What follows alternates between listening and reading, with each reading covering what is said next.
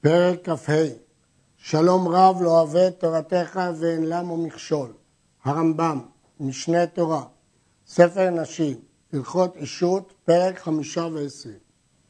הנושא אישה סתם ונמצאו עליה נדרים, תצא בלא כתובה, לא עיקר ולא תוספת.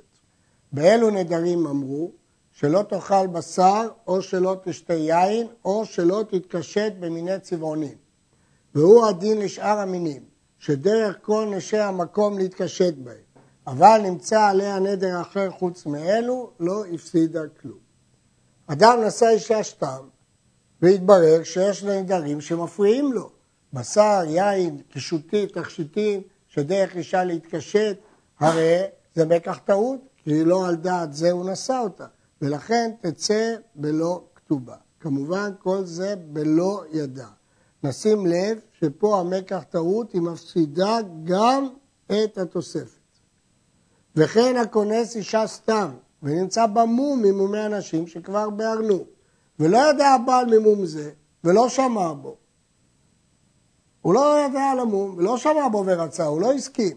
הרי זאת תצא בלא כתובה, לא עיקר ולא תוספת, כי זה מום גדול וזה מקח טעות ולא יכל לדעת עליו, תצא בלא כתובה. כיצד? כיצד אנחנו אומרים שיכול לדעת או לא יכול לדעת? היה מרחץ בעיר, והיו לו קרובים, אני לא יכול לומר לא ידעתי מומין אלו, ואפילו מומין שבסתר, מפני שהוא בודק בקרובותיו, בחזקה ששמע ורצה.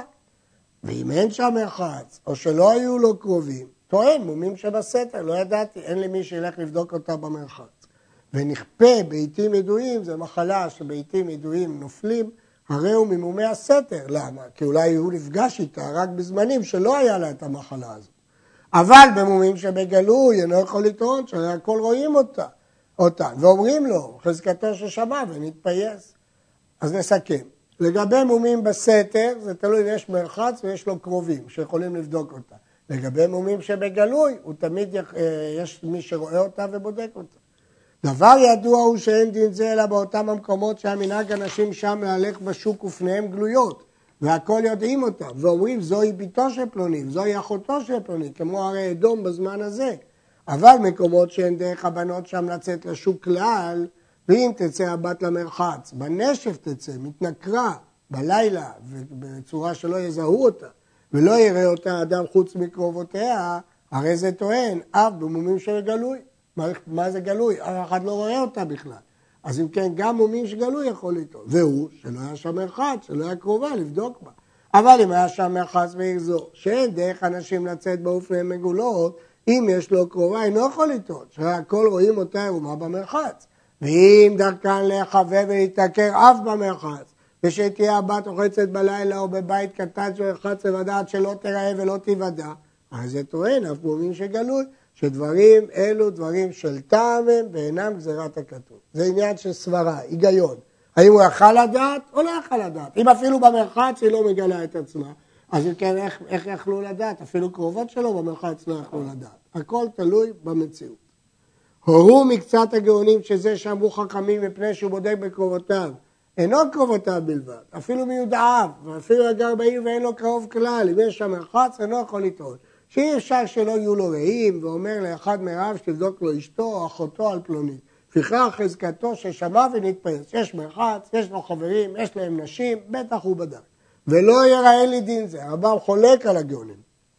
שאין כל אדם מוציא כל מה שליבו מדברים אלו, אלא לקרוביו. הוא לא מוכן לדבר עם חברים שלו על דברים צנועים כאלה.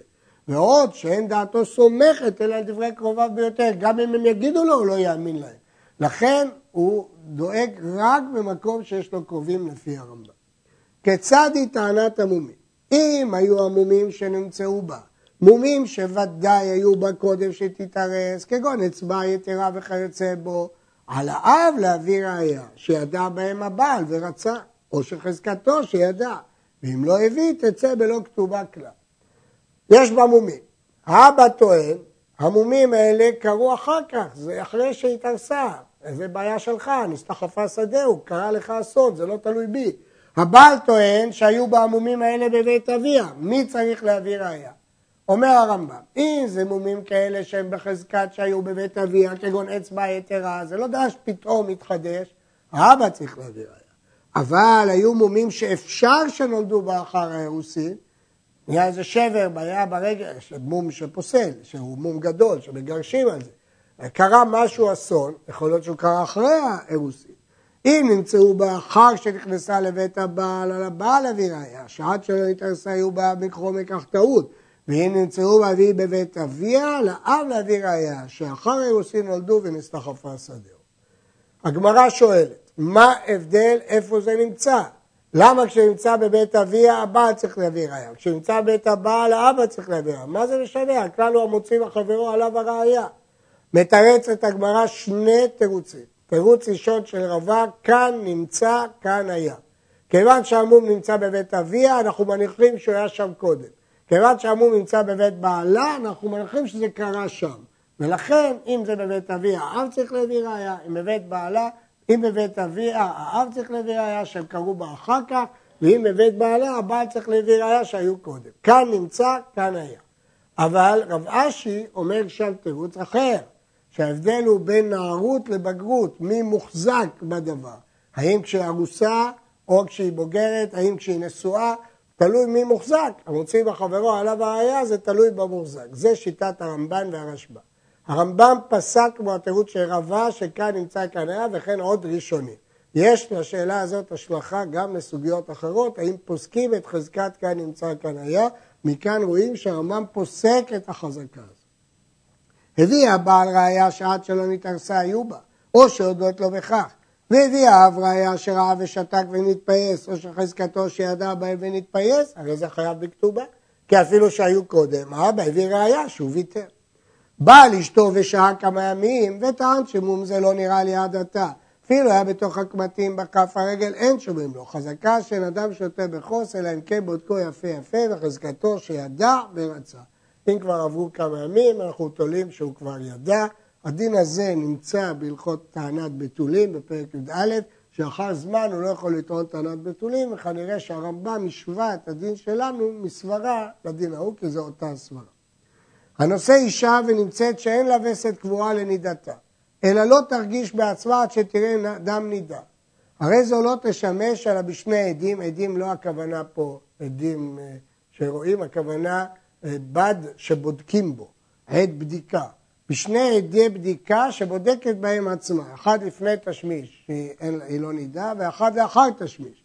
חוץ מן העד של איש שמקנח בו עצמו, כמו שהתבהר בהלכות איסורי ביאה. אנחנו נלמד בהלכות איסורי ביאה, בספר קדושה, מה הדין של אישה שאין לה וסת קבוע, והבעל חושש, אה, אולי עכשיו היא תראה, היא צריכה לשמש בשתי עדי בדיקה, אה, וגם הוא בעד. אז זה מום.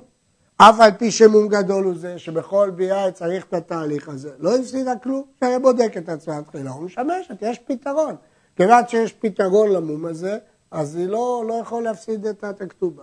הרי שבדקה עצמה ונבהלה עובד שכחה עצמה היא והוא ונמצא דם על העד שלה או העד שלו, כלומר ברור שבביאה היה דם, אם הראה זה פעם אחר פעם שלושה פעמים סמוכות זו לזו יש לה חזקה, הרי זו אסורה לשבע בעלה, ותצא בלא כתובה, לא עיקר ולא תוספת, ואין לה תנאי מתנאי כתובה, שהרי אינה ראויה לתשמיש.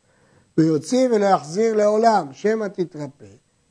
ונמצא שלא גמר לגרשה בשעת גירושים, אז לכן קבענו שלא יחזיר לעולם. ומותר תינשא לאחר, כמו שהתבהר בעניין הנידה. ובכן ההלכה הזאת זה הלכה שרואה דם מחמת תשמיש, שאם היא רואה פעם ראשונה, מיד יש תהליך שהיא צריכה לעשות, תשאל חכם, ידריך אותה ורופא מה לעשות, כדי שלא תגיע למצב של פעם שלישית, שאז יש לה חזקה שהיא רואה מחמת תשמיש. במה דברים אמורים בשהייתה כך מתחילת נשואיה מבעילה ראשונה לאדם? אז המום הזה כמו כל המומים. אבל אם הראה לחולי זה אחר שנישאת, הסתחפה שדהו, אז המום הזה קרה אצלו. לפיכך, אם בעל פעם אחת ולא מצא דם, אחר כך חזרה להיות רואה דם בכל עת תשמיש, הוציא וייתן כתובה, ולא יחזיר עולמית כמו שביארנו, מכיוון ששם זה קרה תחתיו האסון הזה, המחלה הזאת. כיוון שזה קרה תחתיו, אז זה הפסד שלו ולא שלה. וכן כל אישה שנולדו בה מומים אחר שנישאת, אפילו נעשית מוכת שכין. אם רצה לקיים, יקיים.